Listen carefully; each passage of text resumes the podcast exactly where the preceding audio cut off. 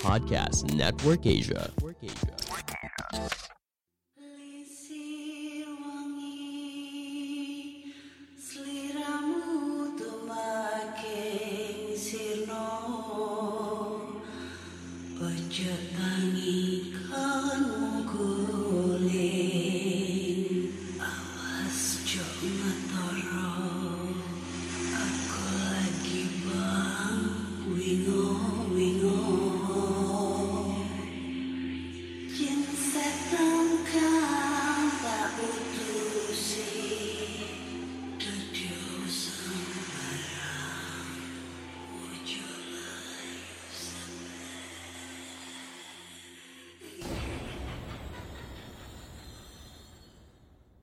Hai Re, iya apa kabar Ketemu lagi dengan aku si Ana di podcast kisah horor.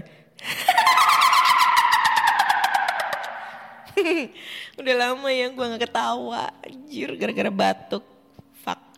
Oke ketemu eh, kita ketemu di episode 199 dan di episode kali ini aku membacakan cerita horor ataupun email berhantu yang sudah dikirimkan teman-teman melalui podcast kisah horor at gmail.com atau DM Instagram podcast kisah horor serta Google Form yang lainnya tersedia di bio Instagram podcast kisah horor. Hmm. Udah 199 nih. Eh, kurang satu episode lagi kita masuk di 200 episode ya. Dan sampai sekarang belum ada yang kirim cerita ke email ya. Yang berupa rekaman sih. Kebany dari kemarin kemarin sih banyak yang ngirim cerita gitu, tapi bukan rekaman, tetap eh, bacaan email. Ya, sayang banget tuh. Ayo dong, rekaman dong. Ya, nanti ketahuan dong sama netizen kalau nggak ada yang mau ngirim cerita ke PKH, PKH sepi. Padahal mah PKH rame, banyak yang ngirim cerita ya. Orang kemarin aja ngirim ceritanya disuruh rekaman malah ngirim cerita ketikan tuh.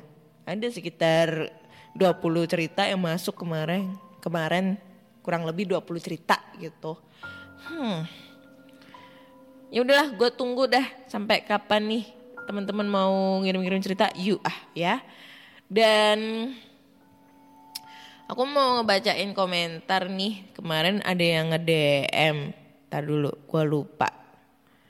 Nih, dari sini kayaknya di DM podcast kisah horor. Mana ya? Tar dulu, diperbarui. Bukan. Ini. Bukan yang ini. Nah, dari Kak Kirana ya. Namanya Kirana bukan sih? Kok jualan tas? Dia bilang gini. Please move on. Udah jalanin harimu. Eh, udah jalanin harimu. Emang gampang ngomong doang, tapi coba untuk tidak berharap ke masa lalu. Kamu pantas dapat yang lebih baik. Iya sebenarnya sih emang gampang ngomong sih gitu kan untuk move on, move on, move on. Tapi susah untuk melakukannya itu susah gitu ya. Nggak tahu gue harus kayak gimana, apakah gue harus jungkir balik dulu atau mau kayak gimana gitu susah gitu guys. Gimana sih caranya biar bisa move on? Please kasih tahu gue, kasih tahu caranya gimana supaya gue bisa move on kayak gitu ya. Susah guys. Udah, bahas lainnya aja ya. Kita langsung baca-baca cerita horor aja nih karena kemarin banyak banget yang ngebacot intronya kelamaan gitu. So, cerita pertama ini datang dari email. Judulnya adalah tragedi. Oke. Hai Kana, perkenalkan namaku Harry. Kali ini aku mau cerita tentang pengalaman tante aku yang ada di kampung. Jadi langsung aja kak ceritanya. Nah, di dekat rumah tanteku di kampung terdapat rumah dengan sumur luar yang sudah ditutup. Dulu rumah itu dihuni oleh sebuah keluarga normal, nggak ada apa-apa. Hingga suatu tragedi terjadi. Si bapak hendak membersihkan bagian dalam sumur. Dia turun ke bawah dengan memanjat lubang-lubang di tepi sungai, eh sungai, sumur. Setelah sampai di dasar sumur, si bapak ini segera membersihkan dari lumut-lumut. Kondisi sumur itu sendiri sudah kering sejak awal dan berbatu pada dasarnya. Niatnya hendak dijadikan tempat pembakaran sampah oleh si bapak. Jadi lumut-lumutnya dibersihkan dulu supaya tidak menjadi media api merambat naik. Setelah beres, si bapak ini naik ke atas. Selangkah demi selangkah dipanjat tepian sumur. Saat sudah hampir di atas, si bapak terpleset. Istri si bapak histeris melihat suaminya terkapar di dasar sumur. Pamit ke sumur tapi lama nggak balik. Dia ke sana kemari mencari pertolongan. Tak lama, warga datang berbondong. Bahkan tim pentas seni milik desa pun dikerahkan. Mereka mengikat si bapak pada sebuah kursi dan ditarik ke atas oleh warga. Si bapak sangat mengenaskan. Kepalanya terbentur sangat keras hingga kulitnya mengelupas. Anjir. Si bapak dinyatakan meninggal saat di rumah sakit. Setelah kejadian itu terjadi kehebohan di tim pentas seni. Pasalnya tali yang biasa dipakai atraksi yang digunakan mengangkut jenazah sering terlihat terlihat bergerak-gerak sendiri. Awalnya tim ini hendak menyimpan cerita itu sendiri dan menganggap hal biasa. Tapi ternyata warga juga ada yang menyaksikan. Belum lagi kalau malam terdengar suara benda-benda jatuh di tempat penyimpanan tali itu. Sumur itu ditutup warga yang melintas sering kali nampak sosok pria dengan rambut melambai seperti ditiup angin. Setelah dekat, ternyata itu bukan rambut, tapi kulit kepala yang mencuat. Gak heran warga menjauhi lokasi, apalagi terkadang sering terdengar suara orang merintih. Kehilangan tulang punggung si ibu akhirnya menyewakan bangunan terpisah di belakang rumahnya. Bangunan itu awalnya dipakai dapur, tapi lumayan luas. Jadinya dikoskan. Penyewanya adalah sebuah keluarga kecil yang profesi si suami adalah pencari ikan dengan memakai racun potas. Bagian ini yang bikin gak habis pikir kak. Suatu hari si suami minta dibikinin jamu oleh istrinya. Jamu diracik seperti resep dibungkus. Tapi gilanya si istri mencap, mencampur racun ikan ke jamu tersebut.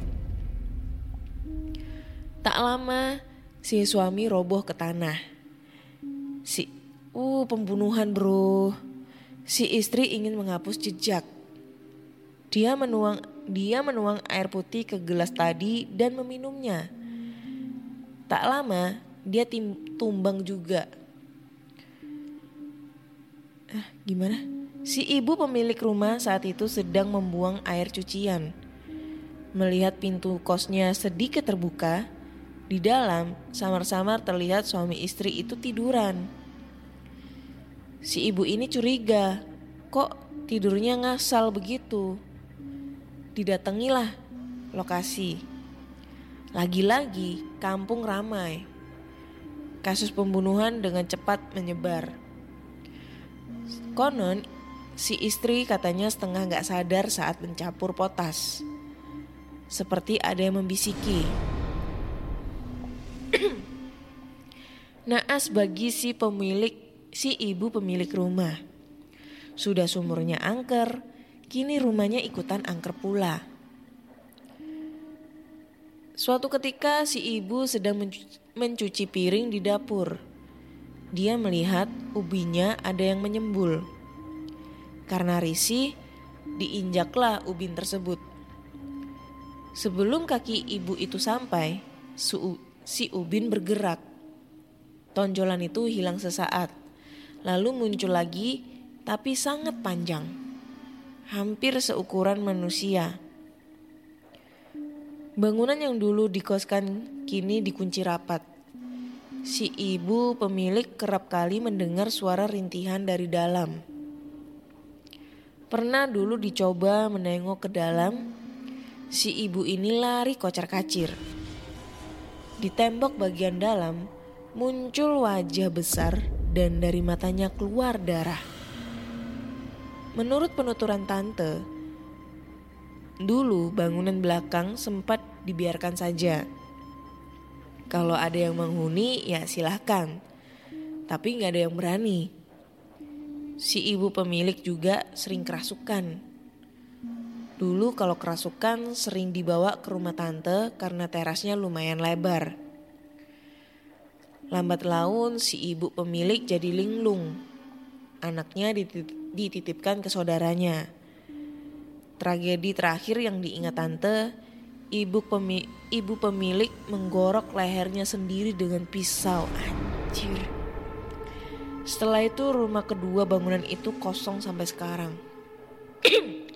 Konon menurut penerawangan ada energi energi negatif yang cukup besar di sekeliling rumah itu. Bisa jadi itu guna-guna orang atau sesuatu yang terpanggil karena tertarik. NB beberapa part saya lupa. Cerita bisa berubah menunggu kejelasan dari tante ya kak. Terima kasih sudah dibacakan cerita horor dari aku.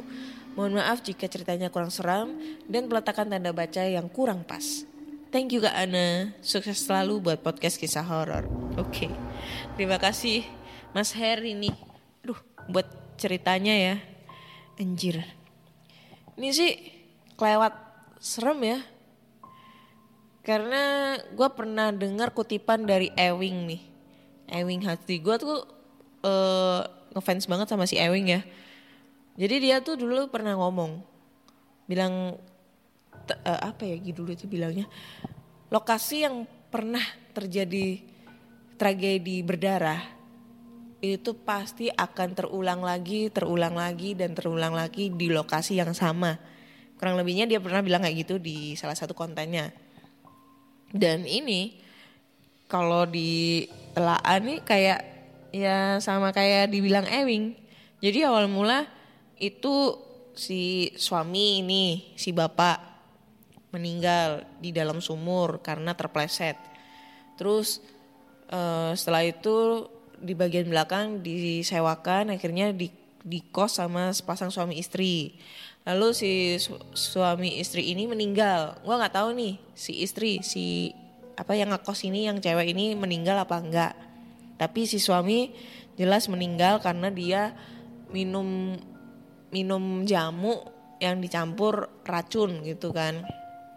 Terjadilah tragedi yang berdarah lagi gitu. Kalau ini sih bukan berdarah, melainkan mengeluarkan busa ya. Kalau racun kan ngeluarin busa, tapi kan pasti adanya tragedi yang meninggal di situ. Setelah sekian lama lambat laun, akhirnya si istri pemilik kosan ini meninggal dengan cara menggorokkan lehernya. Nah, terjadi lagi lah tragedi berdarah di situ. Nah itu pasti kalau misalnya bangunan itu disewakan lagi ataupun mungkin dibeli sama seseorang pasti bakal ada tragedi berdarah di situ. Nggak tahu tragedinya seperti apa, gue nggak tahu. Tapi kalau gue ngelihat ceritanya sih pasti nanti bakal terulang, terulang dan terulang. Kurang lebihnya kayak gitu ya. Serem sih ini anjir. Dan biasanya sih kalau uh, ada lokasi yang ibaratnya itu lokasinya itu uh, pernah mengalami suatu mungkin pembunuhan atau mungkin sekiranya ada orang meninggal di situ dengan hal yang tidak wajar itu pasti bakal mengundang aura-aura negatif buat tinggal di situ. Kurang lebihnya kayak gitu guys. Karena kalau yang terakhir ini kan si istri menggorok lehernya ya kan? Menggorok sendiri gitu loh. Ibaratnya bunuh diri. Nah, dari situ pasti muncullah aura-aura negatif yang sehingga banyak makhluk astral yang menghinggapi lokasi tersebut. Dan biasanya makhluk astral ini yang menyerap energi si istri ini sehingga dia bisa mewujudkan sosoknya menjadi si ibu pada saat dia menggorok lehernya. Anjim gak itu? Serem, cak. Hmm. Oke next lanjut ke cerita berikutnya ya cerita terakhir nih. Oke. Cerita terakhir ini dari DM Instagram nih. Eh, judulnya adalah Suara Burung Hantu. Halo Mbak Ana, aku Widya dari Kediri. Waduh, Kediri rek, Kediri ndi yo. Aku pendengar baru di PKH di Spotify. Baru satu setengah bulan, tapi udah dengerin semua cerita yang ada di PKH. Woi, emot sombong, sombong anjay. Rumah tante aku waktu itu termasuk bangunan baru. Yang di belakangnya masih kayak kebunan gitu yang banyak pepohonan rimbun. Dan kanan kirinya lapangan kosong. Jadi rumah tante aku pas di tengah-tengah tanah kosong luas yang jauh dari tetangga. Depan rumah tante aku itu ada kali yang lumayan gede. Terus depannya lagi ada jalan raya. Terus di pinggiran kali itu ada pohon jati sama pohon kelapa yang ditanam selang-seling sepanjang sungai. Dan di sekitar rumah tante aku nggak ada penerangan sama sekali. Adapun cuma dari lampu jalan raya sampai rumah tante aku aja. Jadi waktu itu pas abis azan maghrib, nenekku duduk-duduk di kursi teras rumah tante aku. Terus nenek kayak dengar suara burung hantu dari salah satu pohon kelapa depan. Eh, dari salah satu pohon kelapa depan rumah sebelah kiri. Pohonnya itu kejepit sama dua pohon jati di sampingnya. Jadi pohon kelapanya itu pendek, nggak tinggi kayak pohon kelapa yang kecentit itu. Nenekku dengar suara burung hantu itu dari pohon kelapa yang pendek itu. Nggak tahu kenapa dia datengin. Pas aku tanya sih katanya dia penasaran. Soalnya belum pernah lihat secara langsung, cuman pernah lihat di TV. Hmm, iseng ya si nenek. Jalanlah nenek aku buat lihat. Pas udah sampai di bawah pohon kelapa itu, nenekku nenekku kan masih celingak-celinguk cari itu suara burung hantu. Tiba-tiba nenekku diketawain dari atas pohon kelapa itu. Yang awalnya suara burung hantu, tiba-tiba ganti suara ketawa cekikikan. Dan pas suara cekikikan itu muncul, suara burung hantunya hilang. Reflekslah nenekku balik badan, ngibrit masuk rumah, terus buru-buru nutup pintu. pas aku tanya, lihat wujudnya apa? Eh, pas aku tanya, lihat wujudnya apa enggak? Katanya, enggak wit. Pas kuwi mae cek ngolei golei ndek endi manue. Woi, manuk cuk. Roh mae diguyu Barno langsung melayu mlebu omah. Jadi gak nyawang piye wujude. Jadi aku translate bahasa Indonesia ya. Jadi dia nggak translate. Katanya enggak wit pas tadi eh, Mbah eh, masih nyari di mana burungnya itu tahu-tahu emak diketawain biarin langsung lari masuk rumah. De- jadi nggak nggak ngeliat gimana wujudnya. Yang lebih kayak gitu ya. Gitu aja ceritanya. Aku ceritain ini soalnya di episode 184 pas aku dengerin aku keinget sama cerita nenekku ini.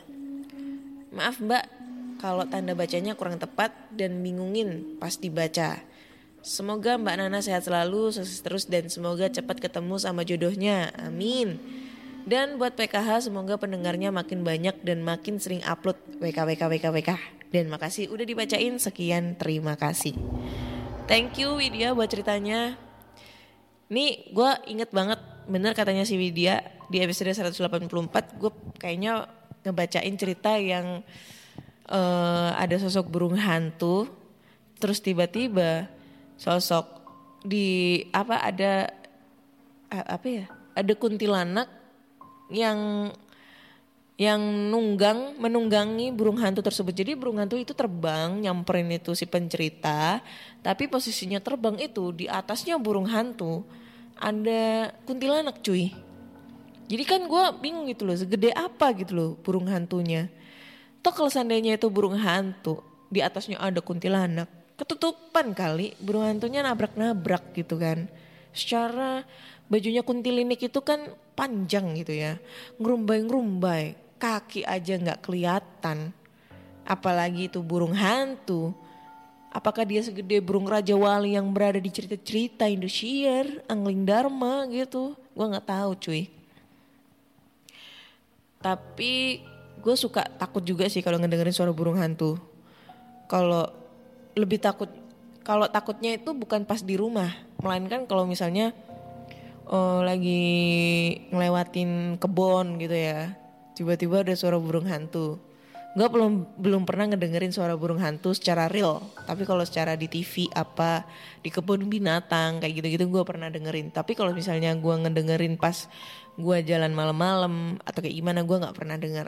Kalau burung gagak itu sering banget dan katanya sih eh, sering banget di rumah ngedengerin burung gagak. Katanya nih kata menurut kepercayaan orang-orang Jawa, orang tua tua-tua gitu ya.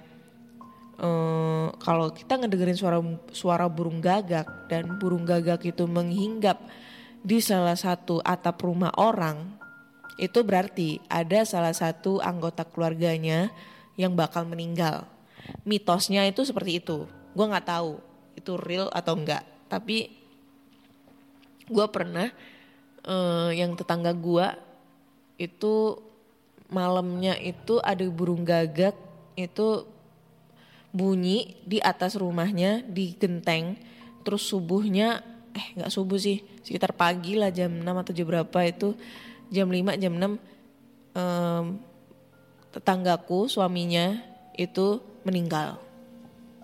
Itu kurang lebihnya. Serem sih makanya gue tuh kayak was was gitu kalau ada burung gagak gitu lewat di depan rumah di atas rumah gitu ya. Gue takut nih was was gitu. Siapa nih yang bakal meninggal? Suka dalam uh, otak aku tuh kayak mikirnya kayak gitu siapa nih yang bakal meninggal gitu. Terus tiba-tiba ngedengar suara kabar dari musola gitu kan. Innalillahi wa innalillahi rojiun kayak gitu. Itu suka kayak eh ya kayak deg-degan gitu loh. Takut gitu gue takut kalau gue meninggal di saat usia muda gitu kan. Gue belum punya amal ibadah yang baik. Masih suka berbuat dosa dan belum bisa membahagiakan orang tua itu yang gue takutkan. Jadinya melo nih ya guys ya. Oke kayaknya cukup sekian dulu di episode 199 ini. So buat teman-teman semua nih ya karena kita bakal menuju episode 200 nah gue pengen kalian semua nih pendengar PKH kalian rekaman nih kalian kalian kirim cerita kalian dalam bentuk rekaman terus kirim ceritanya ke podcast kisah horor gmail.com dan nantinya di episode 200 gue bakal eh ini apa namanya? Tayangin nih gitu tampilin cerita-cerita kalian dengan suara kalian dengan cara cara bercerita kalian masing-masing di episode 200 gitu ya jangan lupa kirim sebanyak-banyaknya dan jangan lupa dengerin podcast kisah horor di Spotify, Google Podcast, Apple Podcast, dan di Noise. Jangan lupa juga kasih bintang 5 nih di Spotify untuk podcast kisah horor karena kalian sekarang udah bisa ngasih rating tertinggi. Ratingnya dari bintang 1 sampai bintang 5 ke podcaster kesayangan kalian. Oke, akhirnya saya Ana undur diri dan terima kasih sudah mendengarkan podcast kisah horor. Bye-bye.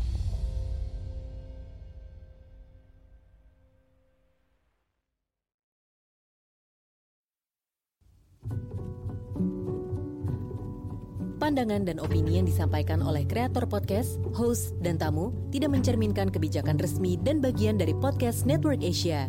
Setiap konten yang disampaikan mereka di dalam podcast adalah opini mereka sendiri dan tidak bermaksud untuk merugikan agama, grup etnik, perkumpulan, organisasi, perusahaan, perorangan, atau siapa pun dan apa pun.